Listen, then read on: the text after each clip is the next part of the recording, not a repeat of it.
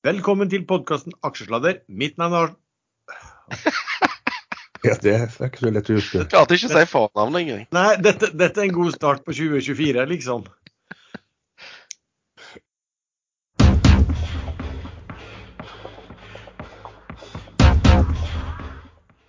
Velkommen til podkasten Aksjesladder. Mitt navn er Lars Branningen, i denne sammenheng kalt Reideren, og med meg har jeg som vanlig Venn Egil Larsen, eh, traderen. Hvorfor venn og ikke Sven? Jeg bare tok, tok sånn som Lars og ikke fikk til fornavn, liksom. Ok. Og jallakongen Erlend Henriksen for tiden utvandret. Godt nyttår til dere begge to, gutter. Jo, Og- ditt. Ditto.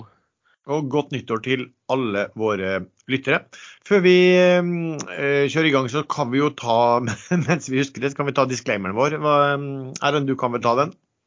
Ja, ikke gjør som eh, dere tror og mener at vi sier, for vi er totalt uansvarlige. Vi ringer råd dersom du hører på hva vi sier her om markedet, aksjer, enkeltaksjer og livet for øvrig, er ansvaret helt og holdent ditt eget. Det kan forekomme feil i det vi sier i programmet, og panelet og panelets gjester kan være langt, kort, direkte eller indirekte eksponert i aksjer, selskaper og produkter som omtales i programmet. og Vi gir altså ingen anbefalinger.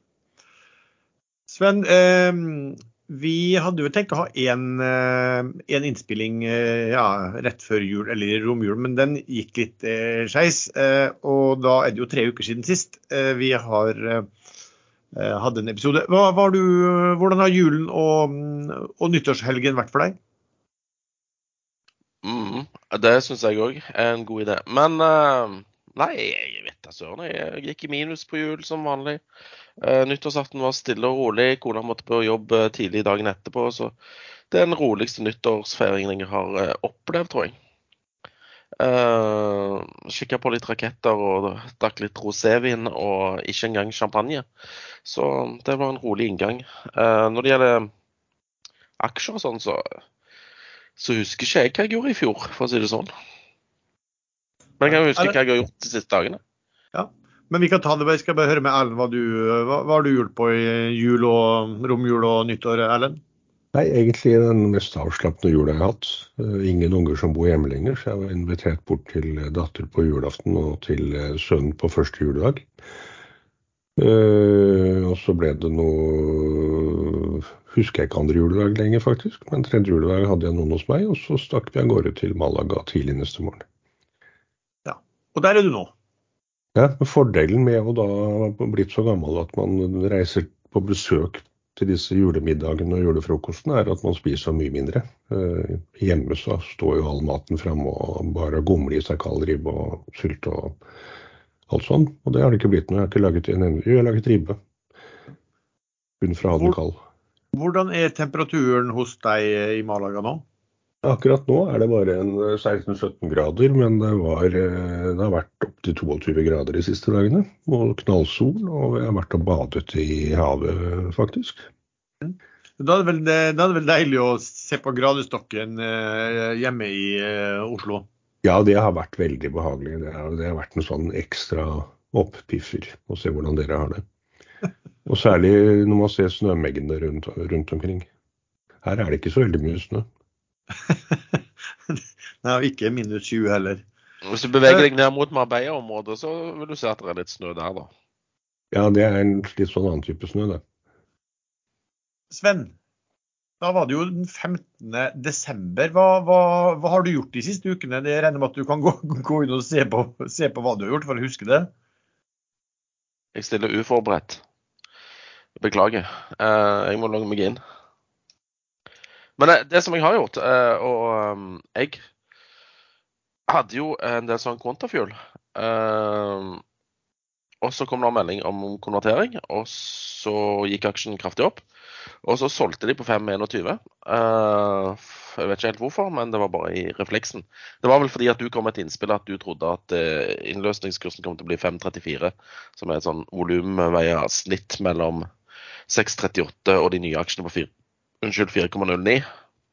Sånn at um, eh, Det hørtes jo logisk ut. Men eh, med nærmere ettertanke så tror jeg at det faktisk blir 6,38. Så da eh, har jeg tatt tilbake de rundt eh, 4,90 til 5, eh, og nå ligger den 5,22. Så der har de òg innkalt til en generalforsamling som uh, skal avholdes nå i januar. Så da blir det nok tvangsinnløsning rett deretter, og hvis vi ikke får 6,38, så blir det nok bråk fra enkelte aksjonærer som jeg kjenner, i hvert fall. hva har jeg gjort ellers? Solgt Argeo eh, altfor tidlig. Jeg tok jo opp den som en mulig ukas favoritt her rett før vi logga av for året. Den har gått som et helsike, og jeg hoppet av rundt fire blank. Nå er den 460, så det ja, Den gikk altfor tidlig.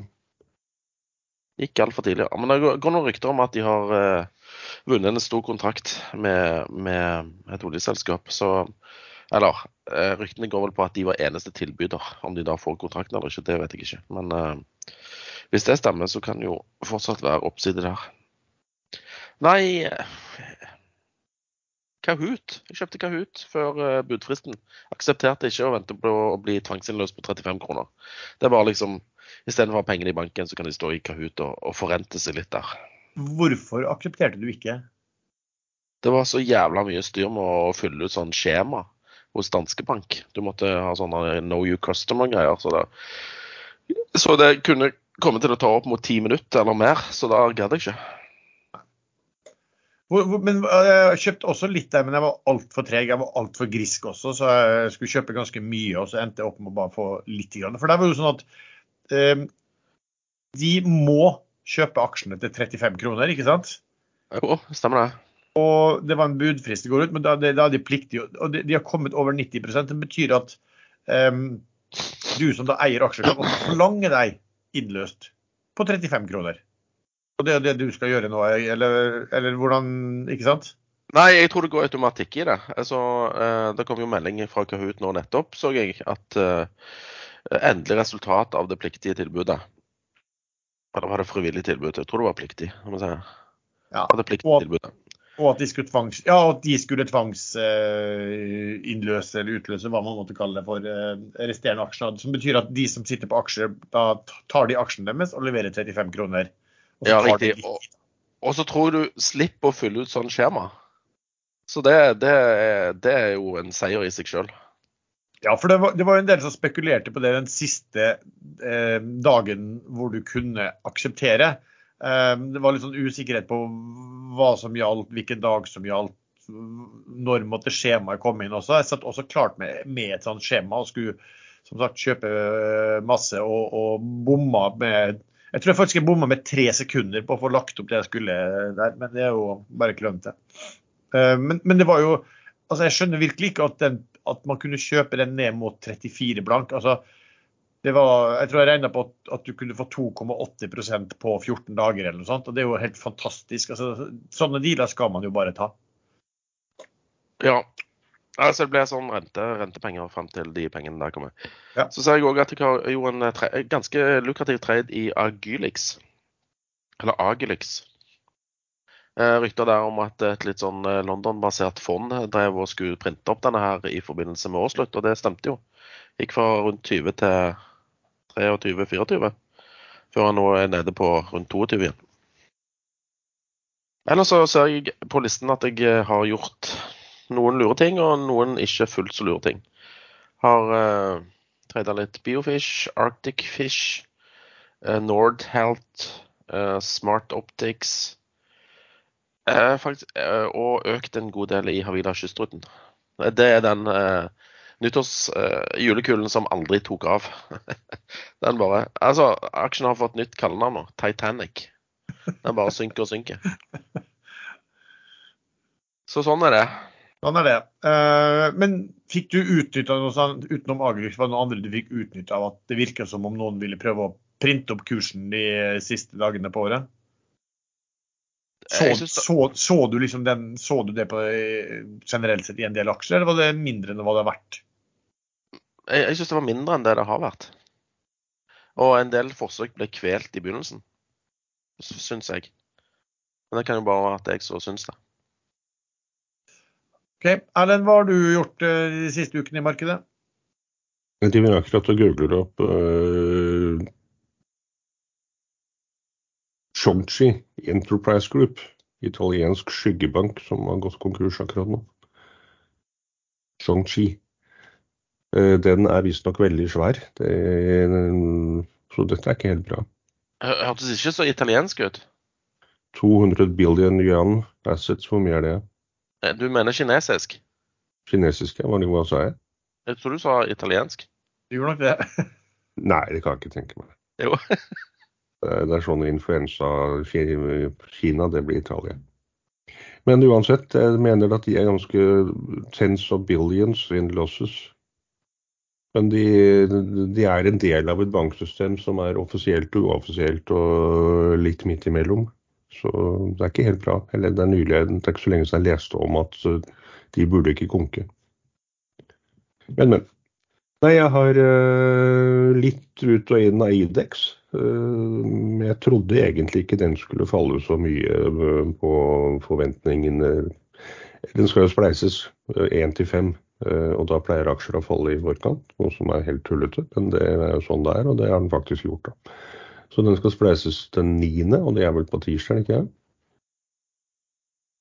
Så da kan den kanskje bli interessant igjen. Uh, og så har jeg uh, solgt resten av Nodel, som denne runden ble egentlig veldig pen. Uh, de siste tredjedelen solgte jeg Solgte jeg ikke før 0,99, men jeg hadde inngang på 0,90, så da går det an.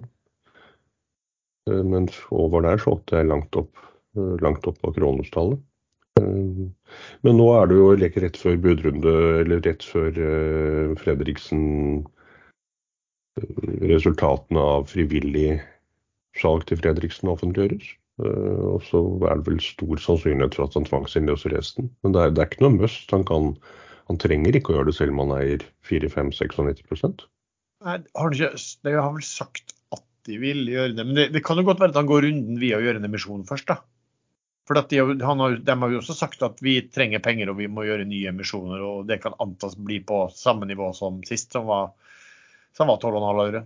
Så kan, spørs om han gidder da forholde seg til børs og småaksjonærer når han tok over 300 millioner av 330 millioners emisjonen sist. Mm. Ja, ja. Men det krever jo at han kommer over 90 da. Ja, Men han er vel allerede det? Eller? Nei, ja. jeg tror han er rett under. Ja, akkurat. Men det tror jeg nok han vil komme. Så vi får se. Uh, Fredriksen har jeg aldri klart å tolke hva kommer til å gjøre. Men han er ikke så snill som folk skal ha det til. Det har han aldri vært. Han har alltid fått god pris på selskapene sine, eller god aksjekurs, mens Røkke alltid har fått rabatt. Så, ja, ja. Eh, og så prøvde jeg meg på en liten trade i et eh, amerikansk selskap som heter polished.com, som eh, visstnok er sånn leverandør av alt mulig. Et uh, nytt hus trenger, gammelt hus trenger når de skal pusse opp i USA. På konkursens rand, og det er jo sånn selskap jeg elsker. Foreløpig ligger jeg litt i minus, men den gikk over tigangeren for noen uker siden, og har litt sånne antydninger igjen. Vi får se. Men ellers har jeg gjort veldig lite. Jeg er i fred-modus. Ok, uh, For min del, jeg har rydda litt i porteføljen, for jeg syns jeg hadde veldig mange aksjer og, og egentlig kasta en del ut som isolert sett ellers ville vært eh, bra, men bare for at jeg, jeg, vil ha mindre antall og sikkert altså, litt større posisjoner kanskje mot, eh, mot uh, neste år. Eh, en jeg kjøpte eh, mm, Jeg snakker jo om gjorde den der BV Energy-traden, og så kom det et bud som ble litt høyere.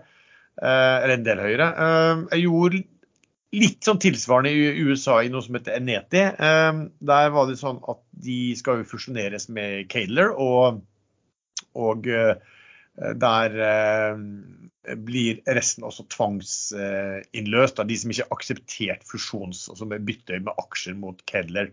Eh, det, det, det, som skjer der, er jo at Kedler da betaler ut det var vel 11,37 per aksje i nedtid. Og det er vel rundt der jeg har kjøpt de for også.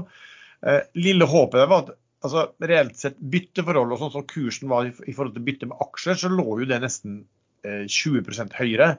Så casen mitt der var vel egentlig å kanskje få tilbake, få tilbake det samme sånn i utgangspunktet, og kanskje se at Cadley blir nødt til å gå opp. Nå, nå ser det vel ut som de gjør den transaksjonen, her, men det, det er vel fortsatt sånn at jeg, jeg tror det var aksjer for var det 70 millioner dollar som skal altså, tvangsinnløses til en kurs i, til, til, kroner som, som, dollar som ligger da 20% under børskursen. Sånn. Så ser jo ikke bort ifra at det, det, er en eller annen hedgefond der som lager trøbbel og som trekker de for retten på det.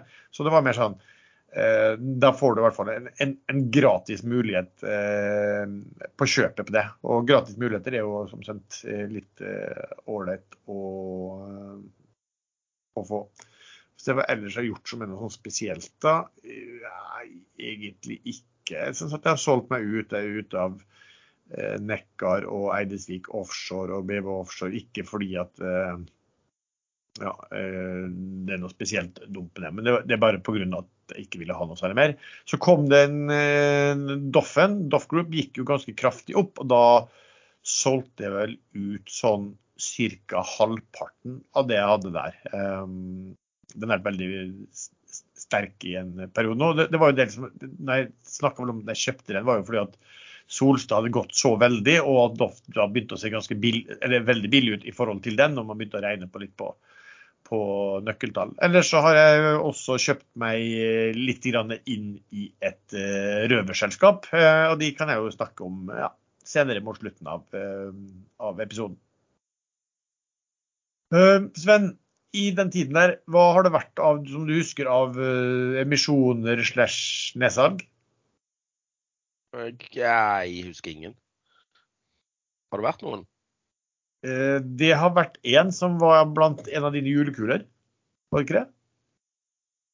Uh, hvis du antyder at det var uh, en konvertibel i uh, Hexagon Purus, så har du rett. Men det var ikke en aksjeemisjon. Nei, det er riktig. Det var en konvertibel. Det stemmer. Og, husker, og husker du hvordan den var? Nei, den var fin. Ja, du var ikke med på det, i hvert fall. Konvertibel, for de som ikke vet det, det, det, det er et lånepapir i hvert fall, som, der du kan ha rett til å gjøre om lånet til en, eh, en viss uh, kurs i framtiden.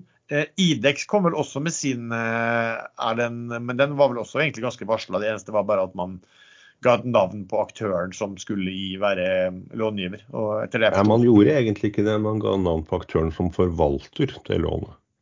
Det er litt sleipt, den der. Det er noe som ligger bak der som ikke tåler dagens lys. Ok, Men eh, jeg så det var det samme navnet, tror jeg i hvert fall, at, eh, hvis jeg leste det riktig, som også har gitt et konvertibellån eh, til konkurrenten som heter Fingerprint Cards. Så ikke noe fart, men da begynner det sikkert å bli litt nå når vi kommer opp uh, i gang. I hvert fall i neste uke så har vi vel fått noen, eh, noen, uh, noen emisjoner igjen. Skal vi gå og summere opp litt hva som skjedde i, eh, av det vi hadde i 2024? Er det noen av dere som husker eh, hvilke indekstips dere hadde? Jeg, jeg, visste ikke engang at vi hadde indekstips. Jo da, vi hadde det i samme episode som vi hadde sorte svaner og sånn i fjor også. så hadde vi hatt indeks. Jeg, husker, jeg husker, husker, ikke min sorte svane engang. Nei, jeg gikk inn og hørte, så jeg har, litt, har, har kontroll på det. Veldig bra. Eh, så, eh, så bare i 2023 eh, så tippa du, Sven, at indeksen, hovedindeksen på Oslo Børs skulle falle 10% Erlend tippa minus 40% og jeg tippa flatt. Det er faktisk jeg har, sett, jeg har registrert at noen tror at jeg mener det når jeg sier minus 40 at det er jeg helt sikker på. Men uh, dette er sånne uh, gale-Mathias-tips som, uh, som, jeg kun gir. fordi hvis det skulle slå til, så kommer jeg til å bli genierklært. Uh, og hvis det ikke slår til, som den aldri gjør, så er det glemt med en gang neste år. Så jeg kan gjøre det samme i år. Ut ifra tankegangen at 'every dog has its day', eller hva? Ja, noe sånt noe. Ja. Men hva, er, hva tror dere om 2024 på hovedindeksen? Minus 40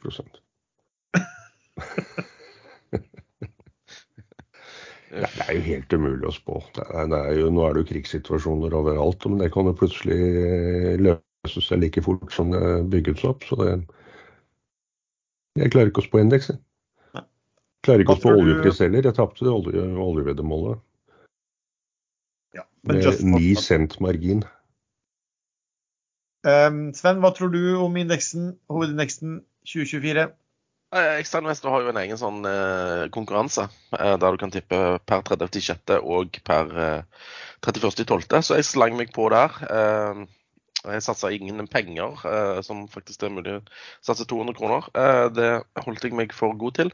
Men jeg tippa per 30.6. at vi skulle ligge på eh, 1212,12. 12, og på slutten av året så ligger vi på 1111,11. Som da blir i prosent på årsslutt. Eh, ja, det blir litt ned. Ja, Hvor mye da? Nei, jeg vet da faen, jeg. Han er 1205 nå, minus 1111. Indeksen er ikke den 1313? Så minus 8-9 prosent? Faen, jeg ser, jeg ser på OBX, jeg. Ja, må se på ordentlig indeks. Helsike, når jeg har basert mine gjetninger ut på OBX-en. Ja, da treffer du kanskje i år, da. Jeg tror du kanskje kan endre det, at det, det er en kanal på, på Ekstrainvestor som går på indekstipset for 2024. Eh, altså, det var sånn, sånn skjema du måtte fylle ut der òg, og jeg går ikke inn der og prøver å fylle ut på nytt. Det kan man Jo, det er bare å fylle ut på nytt, og så slettes det gamle. Nei, nei, han er 13-13 nå. Så 13-13 er jo ulykkestall eh, de luxe, så da blir det 1111. Ja, og det er jo da nesten det er jo da ned, Du tipper ned 15 du, da. Gjør jeg det? Du gjør vel det, da? Cirka? et par hundre poeng. Ja. 100, Fra, 198 poeng ned. ja, det må jo være ganske nær 15% eller hva? 198 delt på 13, 13, hvor mye blir det? Vil du jeg skal regne det for deg? Kan du ikke bare ta, kan 100 og, kan du ikke bare ta 11 og 11 delt på 1313? da? Jo. Da tok jeg differansen, jeg. For prosenten. 15,1 15,08 prosent. OK, så det, all den tid brukte vi siden jeg sa sånn ca. 15% så brukte vi de fem minuttene på å finne ut at jeg bomma, det var 15,9. Ja, men tenk så effektivt samfunnet skulle vært hvis du skulle holdt på på din måte. Men, altså, ja. har man ikke hatt tid til smalltalk eller noen ting. Det har blitt et veldig kjølig samfunn. Ja, Usjarmerende, rett og slett. OK. Eh, Ja, nei, men altså, Min tanke er at eh, utenlandske børser, spesielt USA-børsen, kommer til å tryne litt. Jeg tror uh, pga. oljen så kommer eh, Oslo til å holde seg ganske bra fram mot eh, nyttår. Før vi finner ut at faen, den der høye renten kommer til å vare lenger, og så faller vi, faller vi litt i, i tråd med resten av gjengen. Ja. Voldsomt så du framhever at du vinner Ja, hele jeg tiden. jeg også merke til jeg gleder meg til julekuleoppsummeringen. Hva som kommer Ja, til å skje da. ja, det, Og- nei, da får man bøye nakken i skam i stedet. førtidig i uh, stenging av julekulekonkurranse. Og jeg anerkjenner ikke årets julekulekonkurranse i det hele tatt. Lars, Eh, hvis din kone hører på dette, her, så burde hun merke seg det at du, du har en sånn måte å gjenta ting på som gjør at du får viljen din. at jeg får Du, at du får, ender opp med å få viljen din. Du Nei, han fremhever seg sjøl og snakker oss ned. Ja, eller rettere sagt, jeg spør dere om tips først, og så bare posisjonerer jeg meg sånn at det, det blir mest mulig sannsynlig for å kunne vinne ikke Det engang heder og ære. Det blir liksom sånn der, eh, konkurranse. Tenk på det høyeste tallet, det høyeste tallet vinner. Eh, du kan starte, Erlend, og så Sven, og så Lars til slutt. Ja, men det er, bra, det er bra du har skjønt det her nå.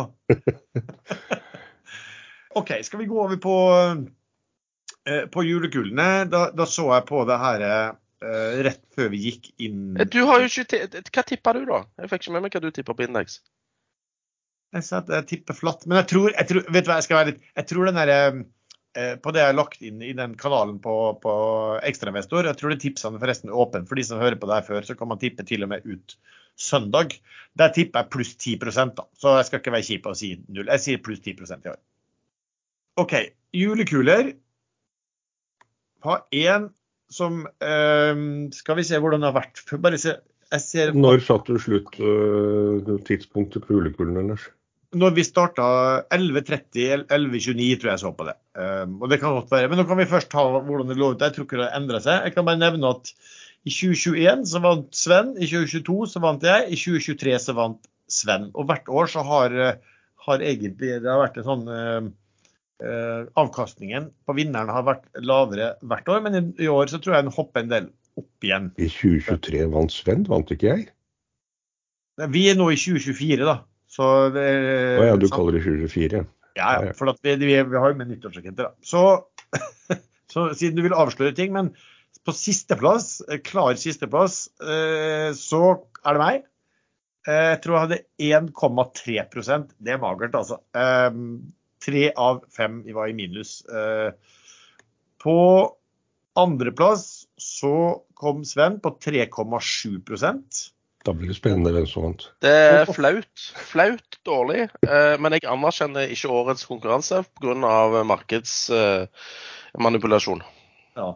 Og på førsteplass Erlend Jallakongen med 7,7 eh, altså, Jeg kan nevne at du, du har jo stort sett leda gjennom hele konkurransen. Erlend, og du, har jo vært oppe i, du var jo oppe i 25% i snitt på det beste før ting begynte å falle tilbake. Ja, men Jeg ville ikke at det skulle se så dårlig ut for dere, så jeg justerte litt ned på slutten. Men i dag, litt etter åpning i dag, så skilte det faktisk bare 1,3% mellom alle oss. Eh, og så eh, Det var en av mine som ble tikka litt vel høyt, da. Men eh, så skjedde det noe helt på slutten her. Det var at eh, SAS, som du hadde, altså da lå du og eh, Sven lå vel mindre enn 1% fra hverandre.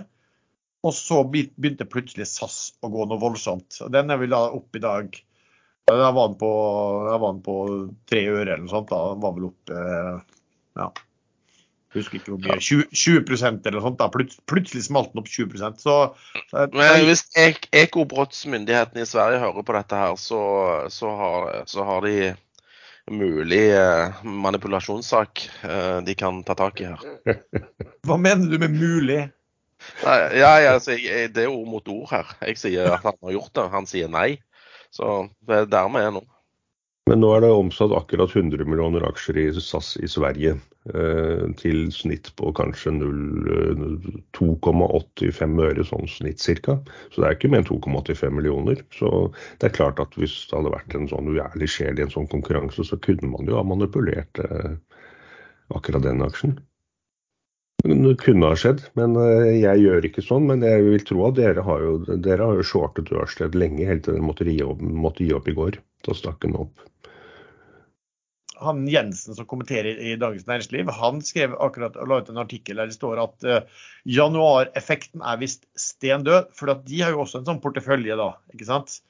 Uh, og uh, de Deres portefølje falt 2,2 Uh, og, og, så hadde- og det de, Men det var de som var på OBX. da. Hvis de hadde de som var plukka fra alle aksjene som var notert, sånn som vi hadde, så er deres portefølje ned 4,8% faktisk. Men er ikke det ganske naturlig øh, når indeksen er opp et år, at øh, mange da velger å selge på nyåret for ikke å få skattegevinst øh, på fjoråret? Ja, det kan være. Og, så var det jo sånn at det, det var jo det begynte, det begynte jo i november. Men Folk begynte å skrive om, om julekuler og nyttårsraketter i, i november allerede. Så ja. Så jeg vet ikke hva. Men Sven, er det noe spesielt i, av de du hadde som, som gikk etter plan slash ikke etter plan? Titanic, eh, den mest opplagte julekulen ever, eh, den skuffa stort. Eh, ellers så, så begyn- var det en del som tok av. Elektroimportøren gikk veldig bra, og så, men så døde den òg litt. eh, Sammen med Hexagon Purus. Så de, de, har, de prøvde seg, men de kom aldri helt Eller de holdt aldri helt inn. Det er glemt Eh, hva Titanic er. Hæ? Du sa Titanic. Titanic er et sånn stort skip som gikk på en sånn Ja, isfjell. det er jeg klar over. Ja. Nei, eh, Havila Kystruten, da. Sånne båter. Ligger Ligner litt på Titanic, egentlig. De båtene. Men uh, ja. Uh, nei, jeg er litt skuffa. Uh, men jeg anerkjenner heller ikke konkurransen, så jeg eh, bryr meg egentlig ikke. Er det noe spesielt du ikke anerkjenner? Jeg anerkjenner ikke Jeg trodde jeg kom på sisteplass så jeg eh, eh, jeg kan godt anerkjenne litt, da, men uh... Du anerkjenner at Lars ble sist, i hvert fall. Ja, det anerkjenner jeg. Med stor uh, tyngde, holdt jeg på å si. Mens det, det faktum at Erlend vant, det anerkjenner jeg ikke. Jeg vil ha omtelling. Spesielt i, eh, i Georgia og, og Ohio. Så jeg må øh, forvente at det kommer opprørere på døra her nå. Skal Har du og- valutajustert uh, det der inn- utenlandsinvesteringene hans? Nå syns jeg du og satt på 15% sånn uh, withholding tax på alle gevinster. Altså Når han driver og eh, investerer i, i sånne eksotiske markeder, så, så Ja, som Danmark. Det er veldig eksotisk. Ja, poeng, poeng, poeng det, Sven. Men siden jeg var så langt unna selv, så ville det ikke hjulpet meg noen ting. Så da, da, da gjorde jeg den jobben. Det får bli opp til deg, tror jeg. Han må jo få lov å vinne en gang, han òg, før han går heden. Ja, men det var, det var, det var jo anstendig, det. Også 8% og, og, og altså, Du hadde jo noen ordentlige fulltreffere da, i, i fingerprint. Den endte jo på det, på det jeg hadde, gikk den vel opp 17 eller, men den var jo faktisk opp en fem, Ja, altså, den var på 3,50. Den fingerprint, nei, 2,50 rundt der. Ja, Nå er den på Du, du, 1,50. lå, du lå jo på 25 en liten periode på, um, på din også, så da, da så det jo ut som det to, totale knockout. Men Um, gikk, gikk Ørsted opp i, i, eh, i perioden? ja, Ja, ja. jeg hadde den vel på 3,45 eller noe sånt. Hvor, hvor er den nå? 3,63 er den på nå. ja den, du vet hva, den gikk opp 2,4% for din del, eller? OK, så hvis han bare hadde hatt den, så hadde han ikke vunnet. Sånn som i fjor. Han hadde jo bare Ørsted. Sånn Det, det. Ja, mine var hadde også den, hadde også Titanic, eh, dessverre. Den som, var, den som var skuffende, men det er jo ikke noe nytt at den skuffer. Altså, det var denne Horizont Energy som jeg tok inn fordi jeg regna med at de skulle komme med en god nyhet. De kom med en god nyhet. Kursen gikk 30% og så har den bare falt etter det igjen eh, til under inngangen. Uh, så det var jo litt kjedelig, men, men sånn blir det når du, når du kommer med nyheter og, og liksom medeier og tralala uten å skrive et eneste ord om hva dette innebærer av tall, for det skal vi ikke opplyse om, da, da blir det jo gjerne sånn, da. Så, og, og så var jeg jo lovt av en search at de skulle komme med en bull nyhet i perioden, og det, det leverte de ikke. Lovt og lovt. De hadde vel indikert at det, de hadde håpa å få noe før nyttår, men eh, det gjorde de ikke. Men den var jo likevel, eh, den var jo likevel pent opp, da. Men akkurat den fingerprint eh, som jeg kjørte som en hedge mot Idex, fordi Idex er eh, foreløpig så langt de siste tiårene ti årene et uh, tulleselskap. Men uh, Si- Fingerprint hører er jo et ekte selskap. du hører han fortsatt kaller det for en hedge, eh, Sven? ja, men han Ja, hadde så bra eh, forklaring på den hedgen det- at jeg ble overbevist. Det jeg skal forklare nå, det er at det lønner seg faktisk å lese børsmeldinger før man putter ekte penger inn i ting. For i sommer så meldte de om et lån. Eh, et eh, lån som kan konverteres etter visse, eh, visse omstendigheter som jeg ikke orket å lese meg fram til. Men det ble bekreftet i september at det kom en konvertering av det lånet. Så det er grunnen til Og den kursen, konverteringskursen var vel på 1,40 eller noe sånt nå. Så, og der er det veldig mye igjen av det lånet. Så den, den kursen kan holdes nede lenge, hvis man er klar over det. Men sånn oppsummeringsmessig, da, så så vant du, Erlend. Eh, Ja. kommet deg opp på, på Takk for gratulasjonen, Sven. he heder og ære. Eh, og ingen av oss var jo i, i minus. Og som sagt, vi ser at andre porteføljer, da, som sagt fra bl.a. DNB, eh, var i betydelig minus. Så, så det var ikke noen lett um, og, og det, det har ikke blitt så lett etter hvert å plukke den type selskap, da, fordi at det kanskje er frontrunde effekter, eller hva man vet. Så um, da gleder vi oss til, til, neste konkurranse om uh, Det 11 er bare 11, 11, 11 måneder igjen, så er det på, på'n igjen. Ja. OK. Skal vi da ta våre sorte svaner for 2024? Husker du hva Eh, Vel, jeg kan ta og nevne hva vi hadde i 2022 først. Eh, Da hadde du Erlend kupp i UK. Eh, Sven, Ja, du det hadde kom ikke. Sven hadde besøk av aliens, og jeg hadde solstorm. Og da, takket være at Sven vipset eh, Eller du vipset penger til Sven, eh, Erlend, så vant du med UK-kupp. Eh, eller du ble moralsk vinner, i hvert fall. Men 2023 Hvordan kan det ha seg at han ble moralsk vinner? eh, Fordi at du sa han var det. Å ja.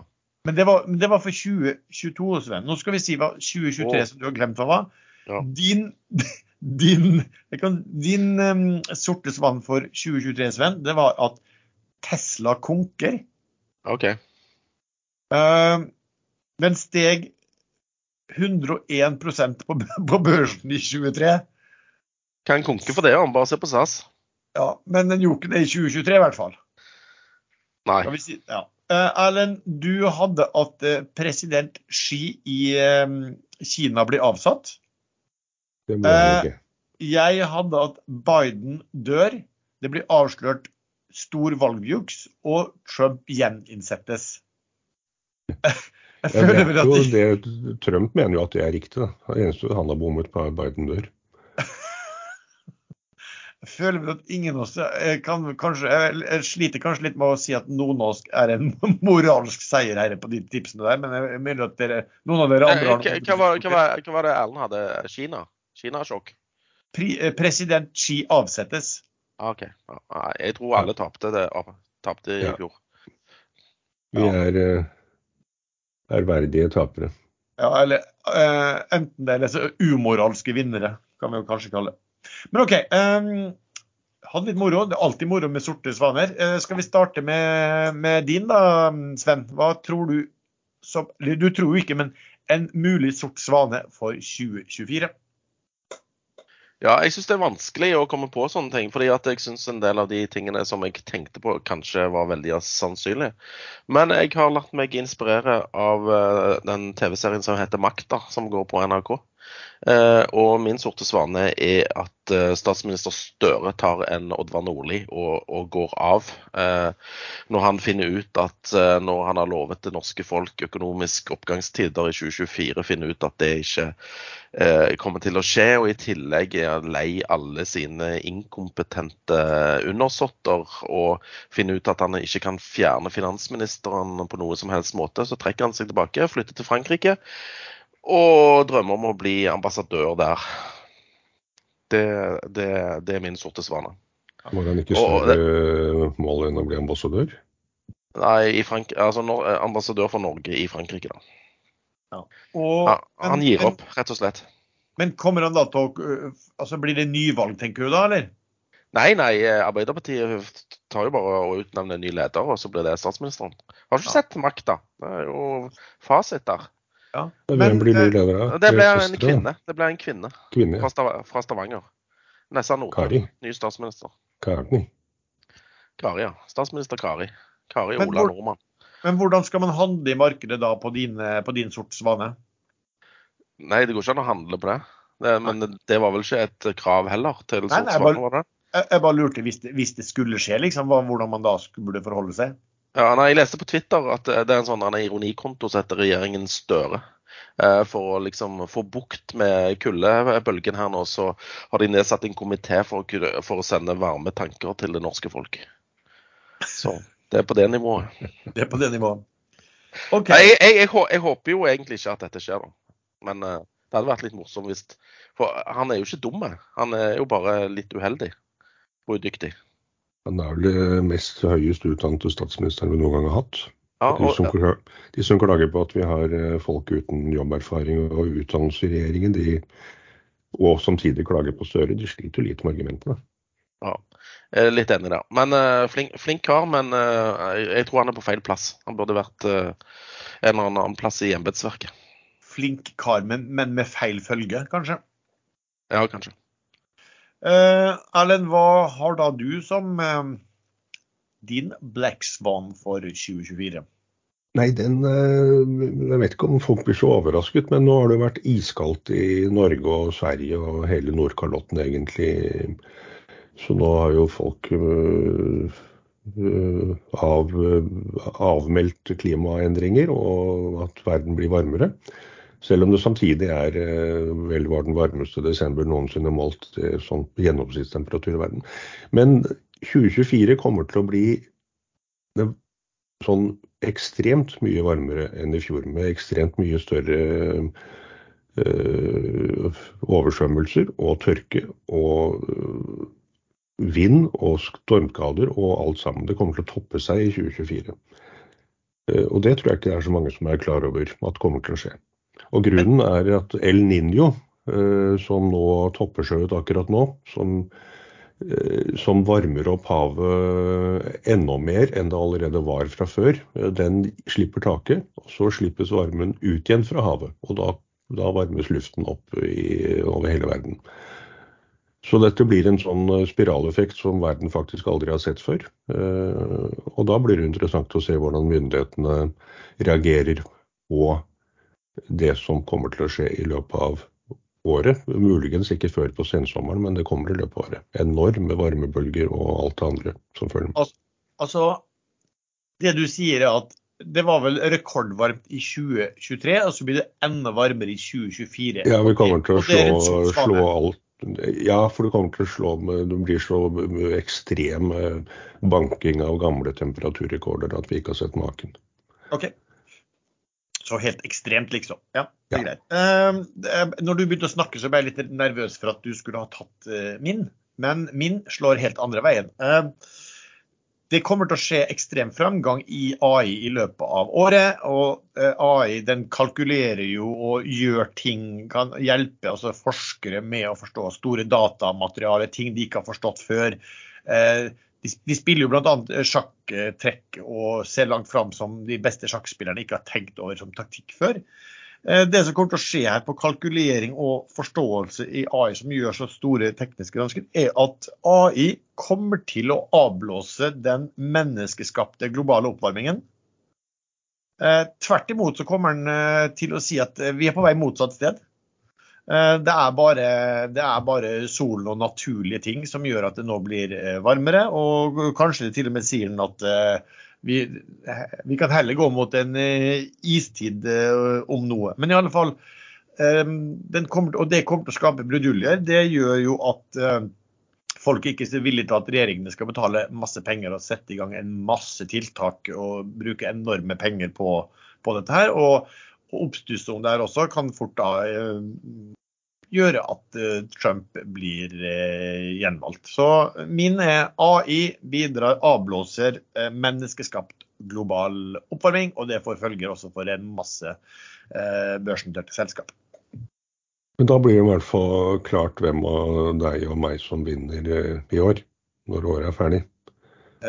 Ja, det moralsk eller, det blir en moralsk eller umoralsk vinner. Men nå må jo det være helt ekstremt da, hvis du skal være i nærheten av noe som helst. Ja, ja, men det kommer til å bli det. Eh, men eh, at Trump eh, vinner noe valg, det er jo ikke noe stort svane. For det er faktisk veldig veldig sannsynlig at han kommer til å gjøre noe. Nei, nei, det var bare, det var bare som, som, en følge ja, det var bare en følge. Ja. ja. En kommentar på hva, hva da som kanskje, liksom, kanskje markedsmessig på det. Eh, jeg hadde en annen slem en som var veldig slem på, på eh, AI, men det, det tør ikke jeg ta engang. For da tror jeg folk kanskje Da kanskje hadde folk blitt krenket for første gang. Når du har sagt A, så må du si B i denne ja, podkasten. Men jeg tror jeg kan klippe det bort, for det var at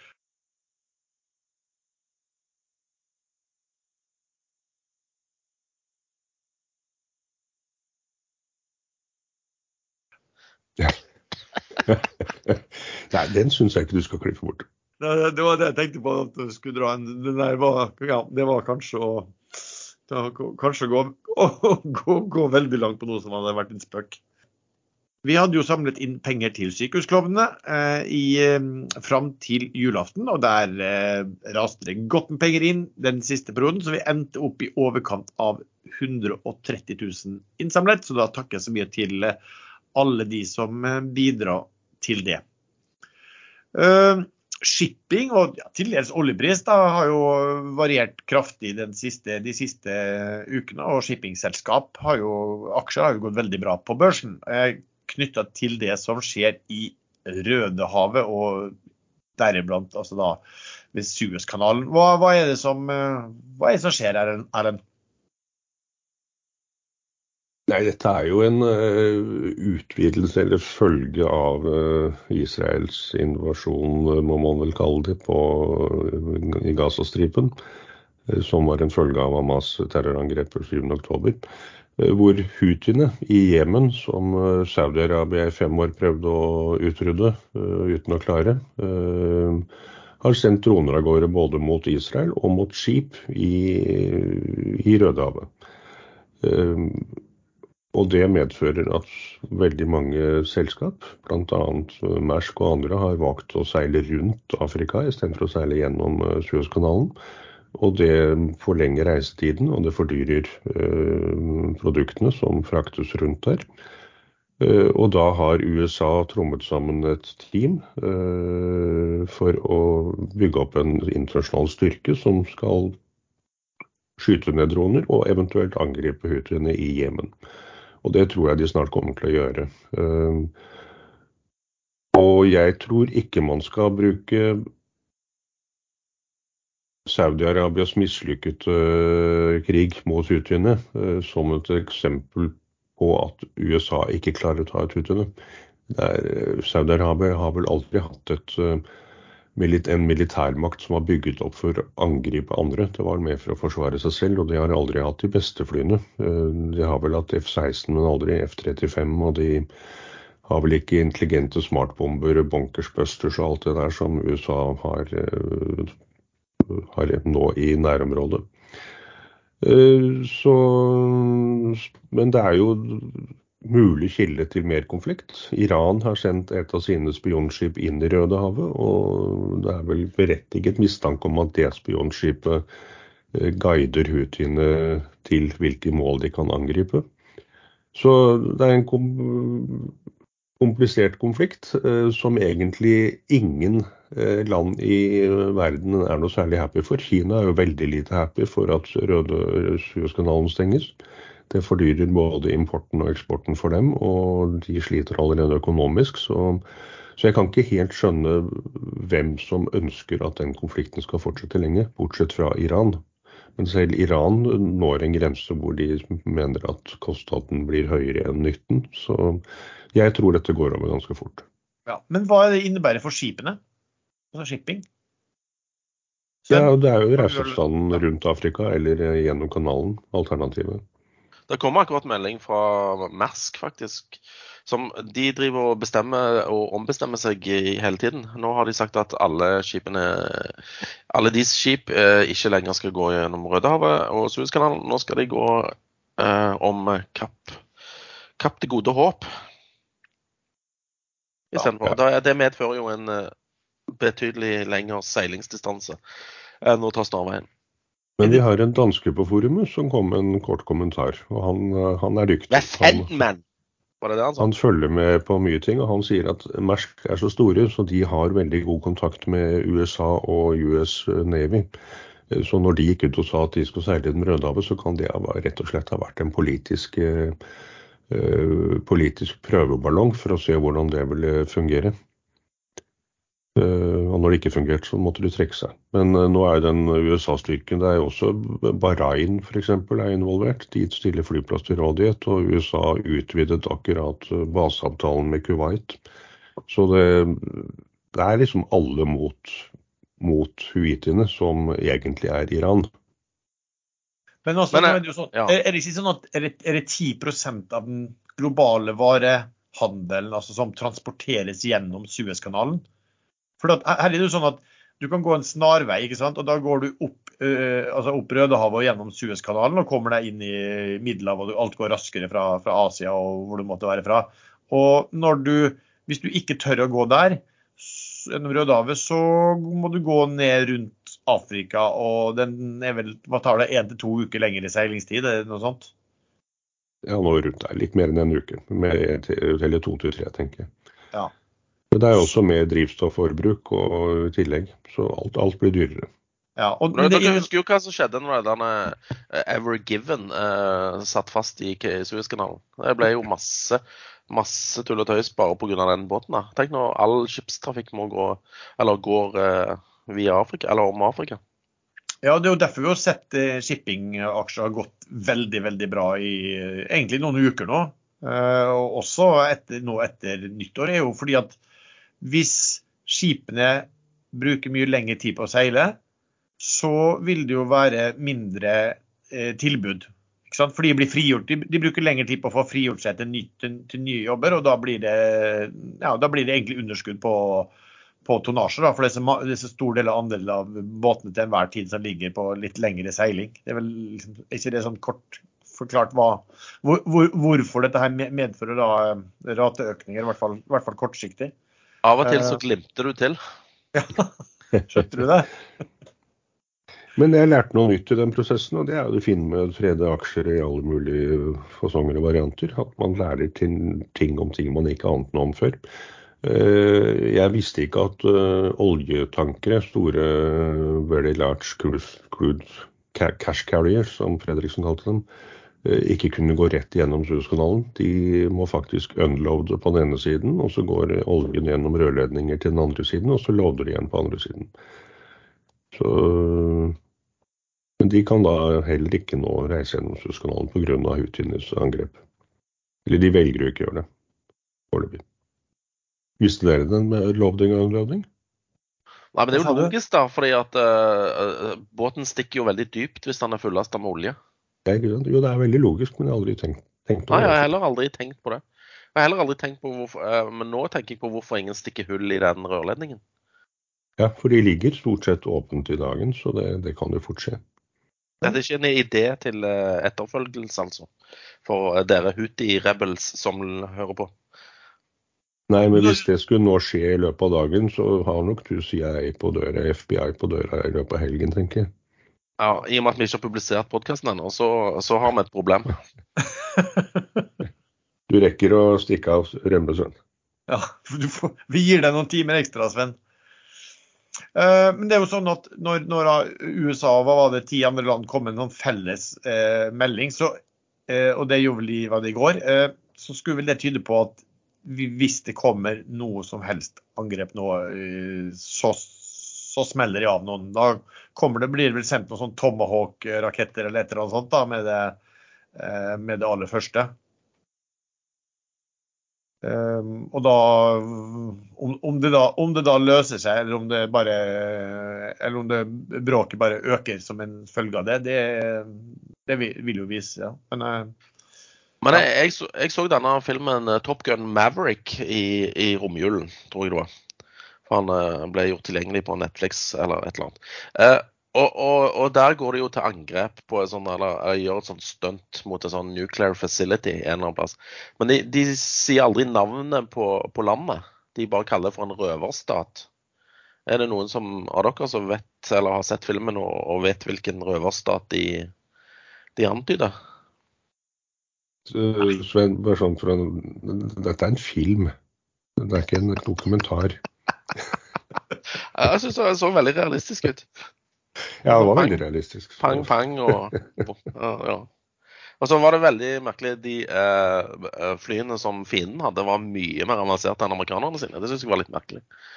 Så jeg lurte på om det Er det Kina, liksom? Eller er det ja, Det kan være Kina det antyder, for kinesiske fly begynner å bli veldig avanserte. Ja. Nei, så jeg, jeg, visste ikke om dere hadde tenkt litt på det, eller i det hele tatt sett filmen. Jo, men jeg så det så lenge siden jeg så den, så jeg er helt glemt den. Du er sånn som ser film på kino og sånn, du? Nei, innimellom, faktisk. Oh. Men jeg så øh, Oppenheimer på Netflix her om dagen, da den ble i romjula, var det vel sånn. Den var faktisk veldig bra. Den kom på Netflix? Ja, Viaplay var det kanskje. Viaplay er sånn betalingsgreie på Viaplay. Ja, den var ikke så dyr. Så, men den var veldig bra. Der får man uh, også mye innblikk i McCarthyismen i USA. Hvordan uh, påståtte kommunister ble uh, eller jaktet på etter krigen. Og Oppenheimer hadde jo litt venstresympatier. Han var gift med en dame som som hadde deltatt i spanske borgerkrigen på kommunistenes side. Så han, han, ble ikke behandlet veldig pent. Kea jo, meldte jo tidligere i år om et kjøp fra Equinor, og så meldte de om et problem. Og nå har de også da meldt om en, annen, en større smell i forhold til det kjøpet. Hva er det som har skjedd i den saken, Sven? Så vidt jeg har forstått, så kjøpte de en andel i Statfjordfeltet fra Equinor. Ehm, for en eh, ganske anselig eh, stor mengde penger. Var det 250 millioner dollar eller noe sånt? Ja, 220 Ja, et eller annet. Ja, et eller annet. Ja, OK. Eh, og så eh, har de closa den dealen, eh, meldte de nå i rett før nyttår. Eh, tydelig at Oljedirektoratet, eller hva det heter nå for noe nå, driver og godkjenner ting på slutten av året. Og, og i samme meldingen så antyder de, at, de måtte skrive ned verdien av den andelen de kjøpte med mellom 1,2 og 1,6 milliarder kroner. Som er en ganske stor andel av hele kjøpesummen. Så noen har eh, kjøpt katta, katta i sekken. Uh, og jeg syns det er merkelig at uh, Okea ikke har klart å fått nedforhandle den prisen som de skal betale for, for den andelen. Så allerede i høst så var det vel noen analytikere som gikk ut og sa, og selskapet sa vel òg at uh, reservene uh, som de hadde kjøpt var mindre enn det de trodde når de inngikk avtalen. Men da falt jo aksjen da sånn uh, 20-30% når dette ble kjent. Ja, den hadde vel falt før når det ble kjent at det var Ja, den har falt to ganger. Ja, den falt, den, den falt ikke i 2030 nå, da. Den falt 12 nå. Men, men okay. den har vel, ja. den, den har vel vært bety ja, den har vel vært betydelig høyere i løpet av uh, i løpet av året. Den har jo vært Innenfor tre måneder så har den vært i over 40 kroner. Ja. Eh, Men uh, det som jeg syns er merkelig, at, uh, ikke, at den ikke er svakere. fordi at eh, i samme melding så mente de at eh, det blir ikke noe utbytte eh, for 2024. Og det, det kan jeg ikke tro at de som eier Okea syns er, er, er hyggelig. Så jeg syns aksjen er sterk, jeg. Men uh, andre syns jo han har falt for mye. Så Har, har er ikke jeg kjenner ikke så godt til det, men det har akkurat de noen sånn strategi om at de skal kjøpe seg inn i modne felt? Modne felt, da. Ja. Og det er klart, det, det er jo, Hvis man ser at de kjøper seg inn i modne felt og som noen sier, nærmest lu- lu- lures av uh, selgeren som har eh, veldig gode kunnskaper Nei, men eller- ja. Det, det er tydelig at dette var et overmodent felt. Altså, eh, Jeg ser for meg eh, Statoil som skal selge liksom en eh, kasse med epler. Ligger de fine eplene øverst, og så i bunnen er det bare masse råtne epler. Det er det som har skjedd her. Siden de måtte gjøre dealen og valgte å gjøre dealen, så kan man jo tenke seg at det er de selv som har gjort antakelser, og ikke kjøper som har fortalt dem noe som ikke stemmer i det hele tatt. Man, man gjør jo ofte tolkninger selv da, på hva som finnes av ja, Ja, Mener du valgt valgte å gjøre dealen i in the first place, eller nå etterpå?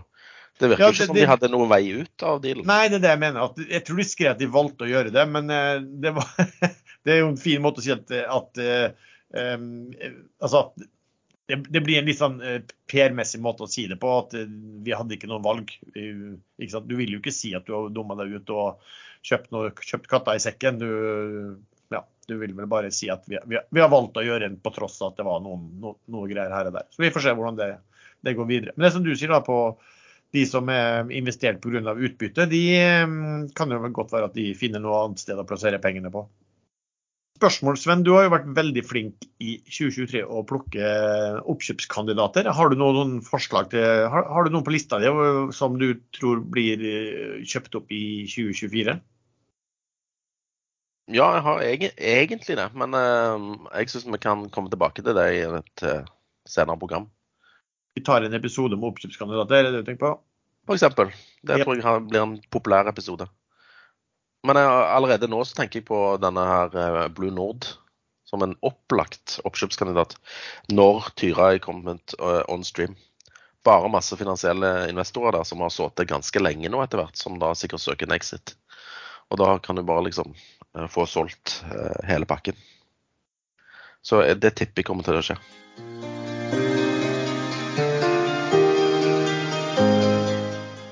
Aksjesladder sponses av tradingmegleren IG, som er børsnotert på London-børsen under ticker IGG og har en markedsverdi på ca. 37 milliarder kroner. Der vil du som kunde kunne trade på 17 000 markeder. På IG kan du trade med Turbo24, som er verdens første døgnåpne turbowarranter. Dermed får du uavbrutt tilgang til de finansielle markedene fra mandag til fredag, selv når underliggende markeder er stengt. Turbowarranter også kjent som turboer eller turbosertifikat, er verdipapirer med giring. Prisen sporer den underliggende finansielle aktiva én for én, og du kan gå long eller short. Så du tar i bunn og grunn en giret posisjon på om prisen til aktivumet du har valgt, stiger eller synker. For hver trade velger du et knockout-nivå, punktet der du ønsker å gå ut dersom markedet snur seg mot deg. Dette bidrar til å bestemme kjøpsprisen for turboen, som vil være ditt maksimale potensielle tap. Det vil si at du har kontroll over din risiko, og at du alltid vet hva du maksimalt kan tape på hver Turbo24-trade fra begynnelsen av. Turbo24-posisjoner kan altså være basert på enkeltaksjer, indekser, råvarer eller valuta. Åpne konto kostnadsfritt på ig.com, eller last ned IG-appen i dag. Men husk at all trading involverer høy risiko.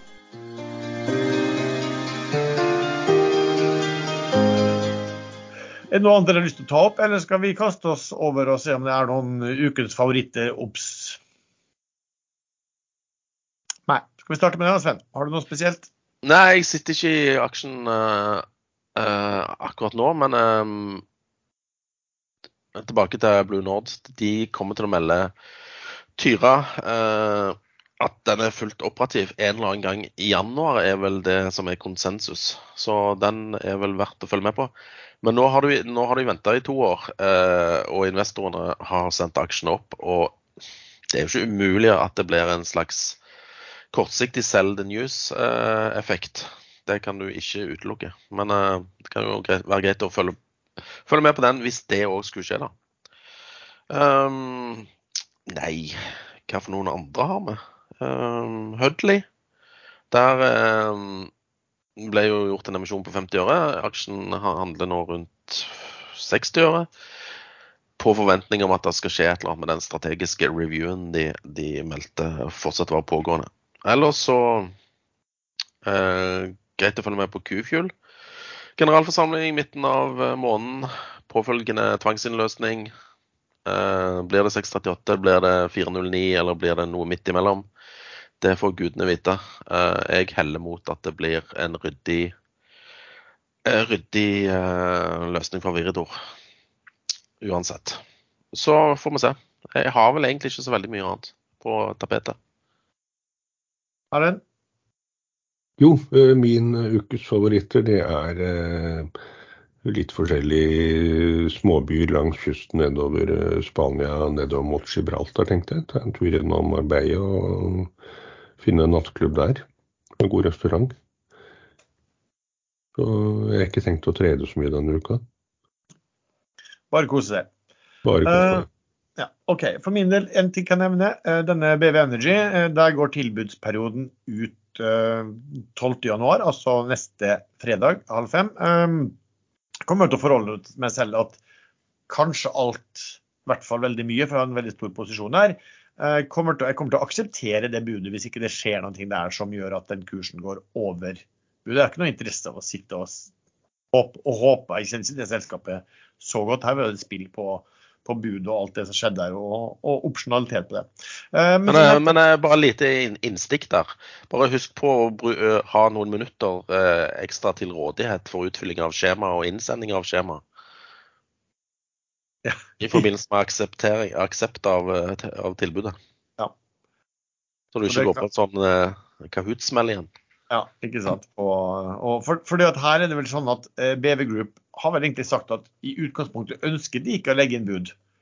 Så spørsmålet om det budet går, så, så skjer det ikke noe mer. Det kommer ikke noe, kom ikke noe tillegg. Eh, noe, no, noe nytt uh, der etter det sånne budet, sånn som du kan se i Kahuta, der hvor du får tvangsinnløsning eller kan be om å bli tvangsinnløst.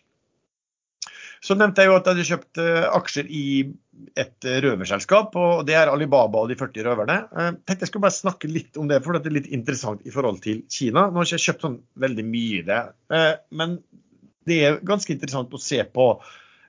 Se på det. Altså, hvis du, De som kjenner til Alibaba i, i, i, Kina er jo en kinesisk gigant. Ligner veldig mye på Amazon, med, som har disse retail-plattformene sine. Og også cloud og logistikk og, og, og, finans har de også. De handles via en sånn ADS i, um, i USA også, som da er, er veldig likvid. Uh, altså Det er interessant å se på det, det selskapet her, hvis du ser det mot, uh, mot uh, Amazon. altså så Første halvår så økte de inntektene med 11% Driftsresultatet var økt med, med 50 de, de, kommer nå med utbytte. De har også kjøpt tilbake 3% av aksjene i 2023 og skal fortsette å kjøpe tilbake i 2024. Og planlegger også spin-offs. altså Dvs. Si at eh, forretningsområdet legges ut som egne børsnoterte selskap. Eh, de har også eh, AI, Altså, de har en egen sånn generativ AI-modell, eh, og de har hva skal jeg, åtte AI-vertikaler. Eh, I første halvår så omsatte disse så Det er en gigant. De omsatte for 63 milliarder dollar i første halvår, og da hadde de en EBIT-margin på 16 da. Det som er litt interessant å se, er at jeg så bare litt på markedcapen nå. Den har falt og falt. og Jeg tror mens Amazon var vel i 2023 opp 80% så var, så var Alibaba ned 10 og har falt de siste årene. Market capen nå var på 188 milliarder. Jeg så da at Hvis du bare omregna første halvår til år, så fikk du en P på 11. Men jeg, jeg så at estimatene der fra tydeligvis analytikeren lå vel på en P på 9 på dette her. Men så er det jo også sånn at hvis du ser på at dette selskapet har masse nettcash, så noen regner 40 milliarder dollar i nettcash, andre regner 60. På min måte å regne på så kan jeg selv bruke opptil 120 milliarder, fordi det er en del sånn egenkapitalinvesteringer de har også. Men ja, bruker man 60 så har de en enterprise value på 128 milliarder. Altså, og bokført verdi, prisbok 1,2. Så kan jeg se bare årsaken til jeg begynte å se på det er mot Amazon, som da har en PE i 23 på 56, altså mot Alibaba 8. Amazon er ca. fire ganger så stor da, hvis du ser på omsetningen som Alibaba. Og Amazon har på en prisbok på 8,2, mens altså Alibaba på 1,2. Det blir enda verre fordi at Amazon er jo gira. De har jo lån, mens, mens store deler av egenkapitalen til Alibaba er jo lån, verdipapir, nei, cash, verdipapirer, den type der. Jeg tror du fort kan regne deg altså på, på den mest aggressive måten å regne en EV på, så kan du jo fort være på en EV på, på, på tretallet, mens andre vil kanskje si at det er på EV på sekstallet. Så hvis du ser altså to sånne selskap, da, hvis du ikke hadde hatt landrisiko, så hadde det jo vært en, en fantastisk, sett ut som en helt fantastisk kjøp. Men du har jo landrisiko. Du har jo politisk risiko eh, knyttet til hva, hva, hva kinesiske myndigheter gjør mot sånne teknologiselskaper. Du har, USA har jo et importforbud som rammer cloud-businessen til Alibaba. altså på at man ikke kan få de prøver å hindre kineserne å importere sånne datachips. De har fått sterkere lokal konkurranse på noe som heter PDD. Og, og veksten i Kina man jo, liksom, har man jo store ja, tvil til, da. Så, Hva med han gründeren Jack Ma, er han ute av bildet som risiko? Eh, nei, altså han er jo stor, men han, han har vel forsvunnet. Han ble, ble vel forsett i husarrest og var ute. Og de har jo fått inn en ny, ny, ny, toppleder der. Så det er vel ikke han som fronter selskapet, sånn som eh, ble gjort eh, tidligere. Men han, han, la seg jo ut med myndighetene og trodde han var litt større enn Eller mye større enn hva han egentlig var. Og ble jo ganske brutalt konfirmert av det. da. Det er bare et par dager siden uh, Alipay, som også var hans selskap, at uh, aksjonærene på en eller annen merkelig vis ble tilsidesatt til det selskapet, og kinesiske myndigheter tok over kontrollen. Ja, altså, og der har du jo politisk risikoen. Når det skal sies, så jeg kjenner ikke så godt til det, men Alibaba er jo store, og de er notert også i, i Kina. Så jeg regner med at de har, de har sikkert en del millioner eh, kinesiske aksjonærer. Så Én ting er å robbe utenlandske aksjonærer for, eh, for verdier i, de kinesiske selskapene. Noe annet ting blir hvis de begynner å robbe sin egen befolkning. Og kineserne er vel blitt ganske glad i å investere i aksjer. Så, så jeg vet liksom ikke altså, Spørsmålet her er vel egentlig hvor mye smell har de allerede fått? Du ser jo enorme forskjeller i prising da, mellom de og, og Amazon f.eks. Så er det spørsmålet hva er rimelig? Um, og det her er jo, altså Hvis denne her står, går 200% i 2024, så er jeg ikke overraska i det hele tatt. Men jeg blir heller ikke overraska hvis den fortsetter å glir. fordi mange, mange institusjonelle ser jo på liksom, investeringer i kinesiske selskap, altså uinvesterbare. Og litt fordi at de, de er redd for risikoen og redd for omdømmet sitt da, hvis de plasserer penger. Så kan du jo se på det på motsatt, at det er jo en god mulighet da, hvis eh, de institusjonelle har stukket. Da. Altså, hvor bunner den ut? Så måten jeg har gjort det her på, er at jeg har kjøpt litt nå, og så kommer jeg til å kjøpe hvis den stiger. Normalt sett hvis du er sikker på liksom, verdiene, så kjøper du jo mer hvis den faller. Men her er det så mye du sjøl ikke vil skjønne av, liksom, av risiko.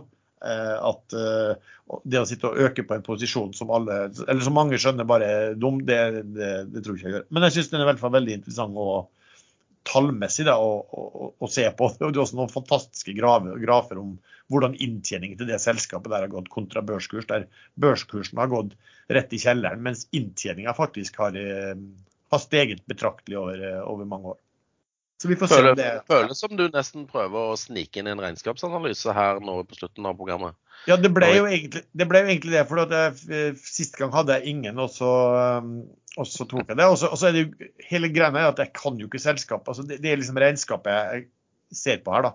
Eh, og da blir det jo nesten regnskapsanalyse. Så ja, du har, du har rett. Her er det kjøp på bakgrunn av en regnskapsanalyse. Uh, og med en forståelse at det, det, ekstreme risikoer her som du eh, rett og slett ikke klarer å vurdere godt selv. Da. Såkalt snikregnskapsifisering av aksjesladder. ja. ja.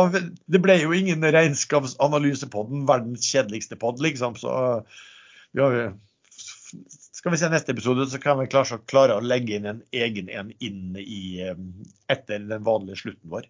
Men jeg prøver jo da å ta det Vil helst gjøre det på selskap som jeg ikke kjenner til fra før, for da får man jo litt mer, ja, mer nytte av det selv også. OK, skal vi, eh, skal vi takke for oss uh, igjen? Gratulerer med, med seieren, Erlend. Da vil du vel ha Jo. Ja, det, det, var nok. Det var vel nok nå, var det ikke det? Nei, jeg syns ikke vi trenger å mase mer om at den beste vant. Eh, selvfølgelig, egentlig. Ja. Og, og du, du, leverer vel inn klagen din som vanlig på kontoret, Sven? Med, ja, jeg, med, med, det vanlige gebyret, selvfølgelig. Jeg sender rekommandert post. er det ikke det så klagene må leveres til eh, Lars Eilen nede på Sørpolen? Nei, det, det, er nok å lokke han bort til det lokale uh, butikk-postkontoret. Få, få han litt ut i kulden her. Det er belønning nok i seg sjøl. Og med det så takker vi så mye til deg som har lyttet til denne episoden. Du treffer stadig oss til chattene inne på Ekstrainvestor. Vi har også en egen gruppe på Facebook som heter podkasten Aksjesladder. Musikken er som vanlig laget av sjazz.com, og vi høres. Og varme tanker til alle. Som sitter i kulden. Ja, og de som sitter Så ingen varme tanker til meg. Nei, du har vel varme tanker fra før?